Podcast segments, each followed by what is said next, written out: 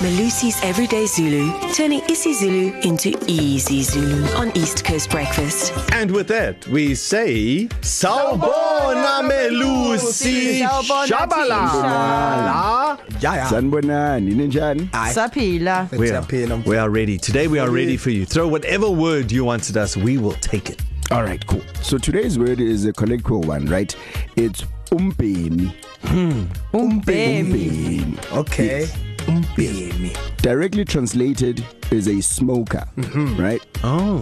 but the way it's used it's a fella a dude Oh, a okay. guy. oh it has to be masculine. yes umbeni yeah yeah but not but even if you don't smoke when it just says umbeni it means this this man this fella It's not like, oh, you're smoking, like you're hot. Nah, You're nah. You cool. don't say that. Ooh, you're so hot. Umbeni. No. No. Ouch.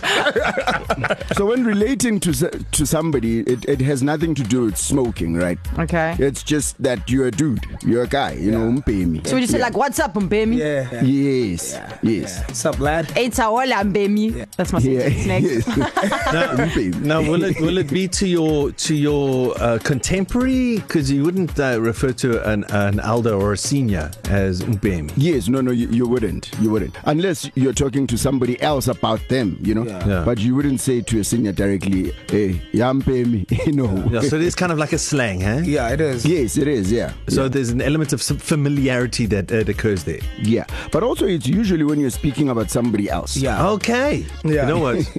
there's a there's a young man who I've seen come up the ranks. He started off as an open spot at my comedy club. Mm-hmm. His name is is uh, Mpo Pops, mm-hmm. and I saw a photo of him at uh, the Durban July like eight years ago, mm-hmm. and I saw a photo of him this weekend. So I can now confidently say to my friends, yeah, that Mpo Pops, mpe mi wam, Umbeni. My P. Umbemi. mpe mpe mi wam. So, so maybe because you're saying you saw him come up the ranks, right? Yeah. So you could say you looked at him and you thought, "Hey, lompemi usekulile," yeah. you know. So this man has come far. Mm. This man has grown. Okay. So lompemi usekulile. Kerry Miller.